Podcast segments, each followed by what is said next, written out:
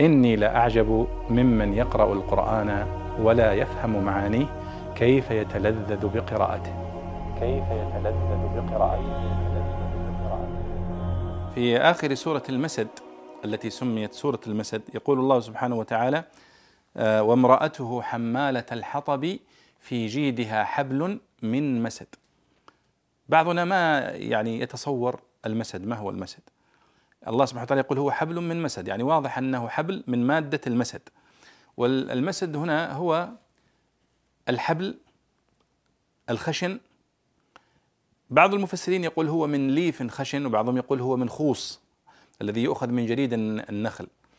آه، فالمسد في اللغة هو الإحكام الفتل يعني حبل من مادة محكمة الفتل إما أن تكون ليف إما أن تكون خوص أو تكون من غير ذلك لكنها شديدة آه، الربط بها في حد ذاته عذاب. ولذلك الله سبحانه وتعالى توعد امرأة أبي لهب بأن الله سبحانه وتعالى سيجعل في ستعذب في النار بأن تربط بحبلها برقبتها بحبل من آه، من مادة خشنة سواء قلنا من ليف خشن أو من خوص أو من غير ذلك لكن لا شك أن هذا شيء في الآخرة في يوم القيامة. فهو آه، يعني آه، شديد فيه إهانة وفيه عذاب لهذه المرأة التي كانت تؤذي النبي صلى الله عليه وسلم. فإذا في جيدها حبل من مسد أي حبل من مادة خشنة غليظة إما من ليف أو خوص أو غيرها إهانة لها وتعذيبا لها وعقابا لها على ما كانت تؤذي به النبي صلى الله عليه وسلم وتضع في طريقه الحطب وتضع في الأذى في طريق النبي صلى الله عليه وسلم.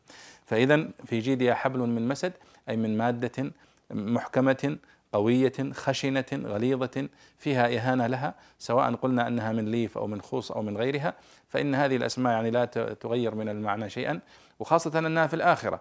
يعني نحن نقول عندما يكون المسد هو الليف الخشن هذا الذي نعرفه نحن في الدنيا لكن في اليوم القيامة وفي النار بالذات كيف سيكون هذا الليف؟ كيف سيكون هذه الخشونة؟ هذا أمر لا يعرفه إلا الله سبحانه وتعالى لكننا نفهم من معنى الآية أنه ستؤذى وستعلق من رقبتها بحبل غليظ شديد إهانة لها وتعذيبا لها على ما كانت تصنعه بالنبي صلى الله عليه وسلم.